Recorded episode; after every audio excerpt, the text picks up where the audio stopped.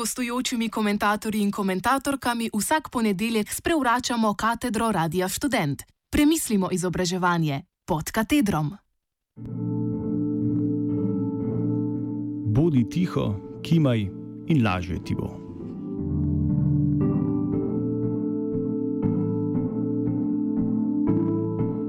Med gradiva za sejo Senata Filozofske fakultete Univerze v Ljubljani je pred kratkim priromal predlog za ukinitev upoštevanja vzdržanega glasu. V tej oddaji bomo obnovili pomisleke nekaterih sedanjih in bivših študentov senatorjev ob tem predlogu ter se vprašali, kakšen smisel ima možnost vzdržanega glasu v odločitvenih telesih.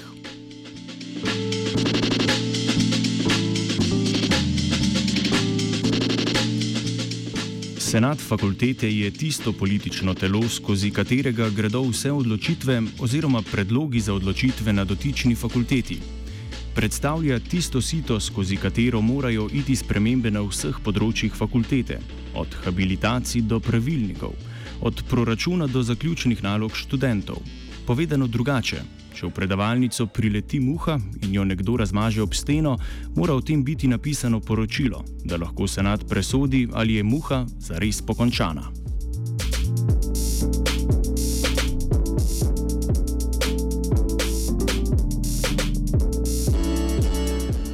Lahko si predstavljate, da na vsaki mesečni seji to nanese precej visoko goro gradiva in predlaganih sklepov z meglenimi, še komaj vidnim vrhom, Seja lahko zato traja tudi več kot dve uri, še posebej, če se ob kakšni točki med udeleženci razvije razprava.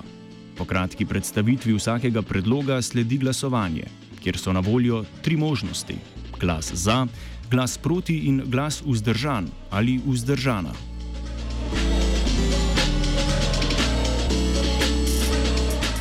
Da si poslušalci lahko oblikujete bolj jasno predstavo, bomo na kratko opisali sestavo senata. Že v sedežnem redu se največja ločenica vleče med vodstvom fakultete ter ostalimi člani. Vodstvo v senatu predstavljajo dekan ali dekanja ter prodekani, ki zastopajo različna področja.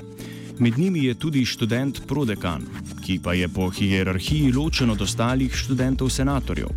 Večina senatorjev je sestavljena iz predavateljev, ki so na fakulteti zaposleni s polnim delovnim časom. Od približno 50 članov je petina mest na voljo za študente senatorje.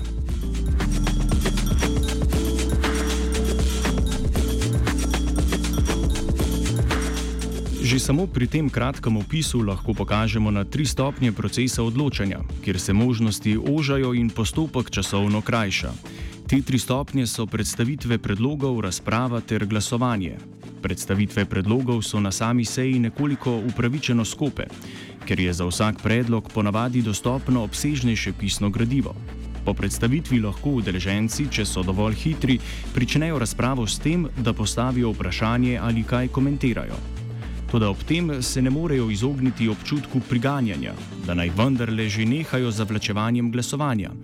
Izjave o tem, da z razpravo ne delamo nič več kot, zavlaču, kot le zavlačujemo neizogiben izid glasovanja, strani vodstva niso redke. Če tudi temu ni tako in razprava dejansko ima vpliv na glasovanje, se bo na naslednji seji spet pojavila enaka izjava in priganjanje bo enako intenzivno.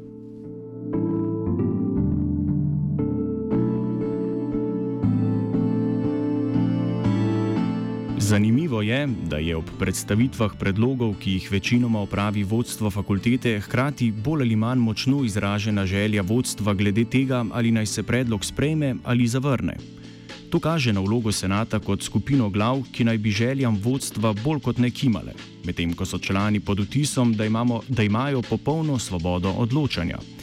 Kot pri večini stvari, ta svoboda na papirju tudi zares obstaja, ni pa vedno tako tudi v praksi. V praksi namreč ravno ta vtis o svobodi odločanja toliko bolj omogoča manipulacijo in usmerjanje odločanja. Ta manipulacija se dogaja na ravni očem nevidne, a še kako vplivne strukture oziroma vezi med člani.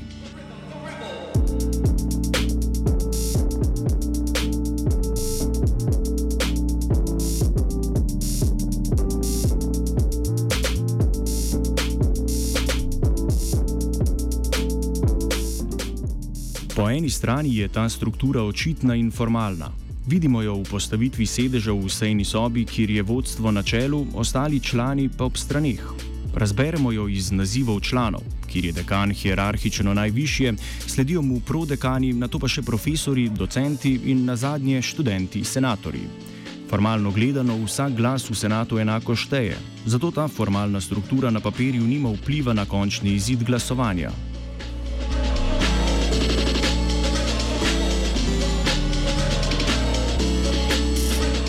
Nas pa bolj zanima tista struktura, ki podobno kot podtalnica teče in se kopiči, ne da bi jo kdo zaznal, a ima na trenutke močan vpliv na razmerje na površju.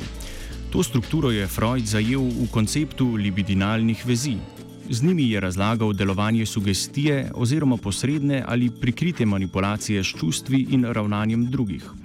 Libidinalne vezi so preprosto povedano čustvene vezi, ki se v skupinah med člani tvorijo, ne da bi imeli na to kaj dosti vpliva. Člani se teh vezi pogosto niti ne zavedajo ali pa si jih nočejo priznati.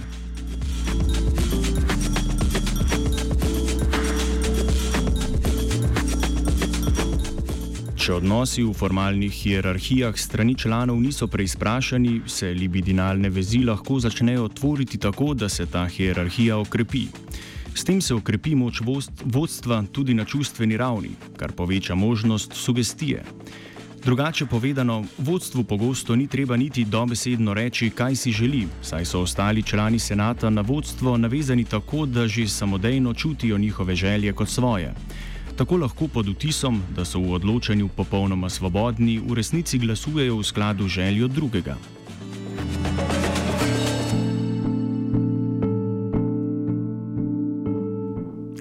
Sugestibilnost toliko bolj okrepi dejstvo, da živimo v dobi, kjer mnenja po številu zasenčijo dejanske podatke, ki jih oseba ima. Kopičijo in spodbujajo se nepodkrepljena mnenja, ki so bolj podobna izražanju trenutnega razpoloženja, kot pa premišljenemu odnosu do nečesa. Redko je mnenje, ki bi ga oseba znala tudi utemeljiti, ga razložiti, ga zavestno predelati in pokazati njegovo razumsko zasnovo. Če tudi so prepričanja povod za večino našega delovanja in odločitev, o čemer lahko sklepamo na podlagi dokazanega vpliva nezavednih vzgibov na naš vsakdan, je za smotrno odločanje v osodi množic nujno, da ta prepričanja preizprašujemo. V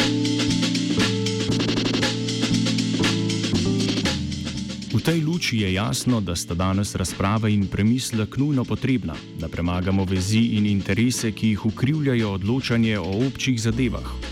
Da sta razmislek in razprava sploh mogoča, pa je potreben dovolj širok in raznolik simbolni prostor.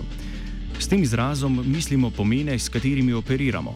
V tem kontekstu glas vzdržanosti predstavlja sivi prostor med črno-belim svetom, ki ga slikata glasova za ali proti predstavlja širitev pomenskega prostora.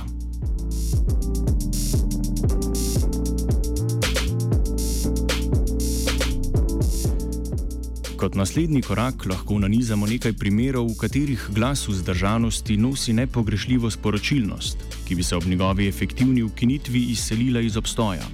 Obstajajo trije glavni razlogi, ki so očitni iz prakse, zakaj se nekdo opredeli kot vzdržan. Najbolj pogosta sta neodločenost ter bojazen pred izpostavljanjem. Pri slednjem imajo močno vlogo libidinalne, pa tudi strukturne vezi in hierarhije.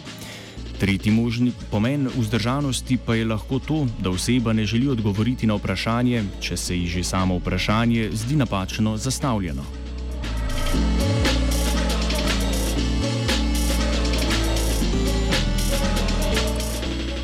Tisti primer, o katerem se največkrat sklepa, je ta, da je oseba enostavno neodločena. Da si ni oblikovala mnenja, ker ni prebrala gradiva ali nečesa ni razumela. V tem primeru mnogi sklepajo, da oseba ni dovolj vestna ali pa da je preveč zmedena za delo v senatu. Lahko pa se ta glas razume tudi kot upravičen klic po nadaljni razpravi, ki je pogosto presekana zaradi prigaranja oziroma pri priganjanja se upravičujem vodstva po čim krajših sejah. V vsakem primeru je poskus reševanja neodločenosti z neupoštevanjem vzdržanega glasu podobno kot ukinjanje negativnih ocen, ko učitelj vidi, da gre učencem slabo pri preizkusih.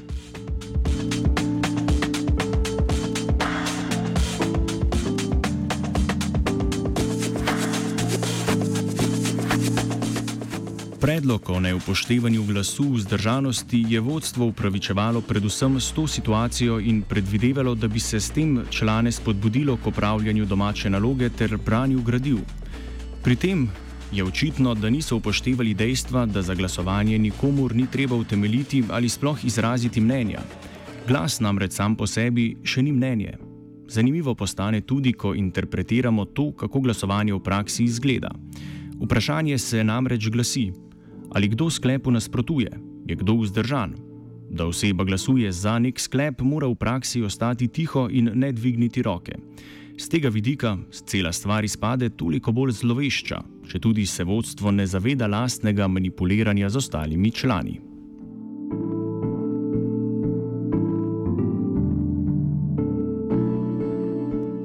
Predvsej očitna motivacija za ukinitev upoštevanja vzdržanosti je pospešitev postopkov, ki ima za posledico slabše premišljene odločitve. Razprava naj večinoma ne bi bila potrebna, ker nas vodstvo želi prepričati, da bi se senat moral le odločati v skladu, v skladu s pravilniki. Če je to res vse, kar naj bi počeli, bi bilo bolj smiselno enostavno unesti vse pravilnike v nek računalniški program in pustiti algoritmom, da v par sekundah opravijo sejo.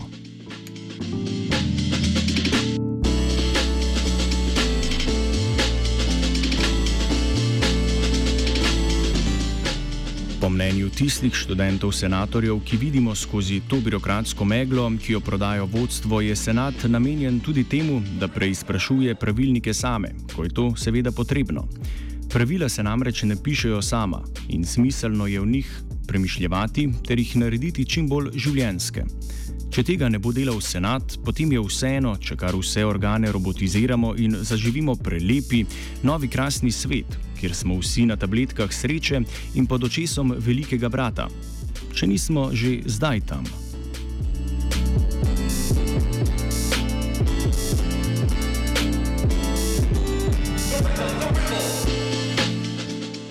Dodatna motivacija za to spremembo pa je izražena v samem predlogu, Vodstvo si želi pridobiti večjo legitimnost s tem, ko bi senat jasno sprejel ali zavrnil predloge. Za senat namreč pravijo, da naj bi v ljudeh uspodbudil zaupanje, kar naj bi bila množična vzdržanost pri glasovanju preprečevala. Smiselno se jim torej zdi, da, je, da se najvišja politična telesa prilagajajo krajši pozornosti množic ter trendu razpoloženskih mnen, ki ne potrebujejo utemeljitve, To pa v končni fazi služi krepitvi moči vodstva na račun upada politične kritike in premisleka.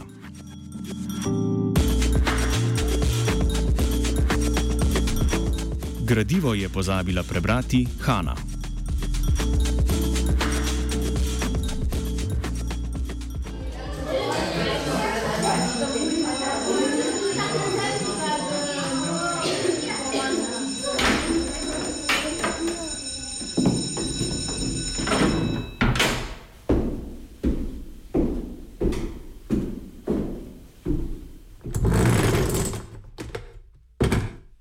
Gostujočimi komentatorji in komentatorkami vsak ponedeljek sprevračamo katedro Radia Student. Premislimo izobraževanje pod katedrom.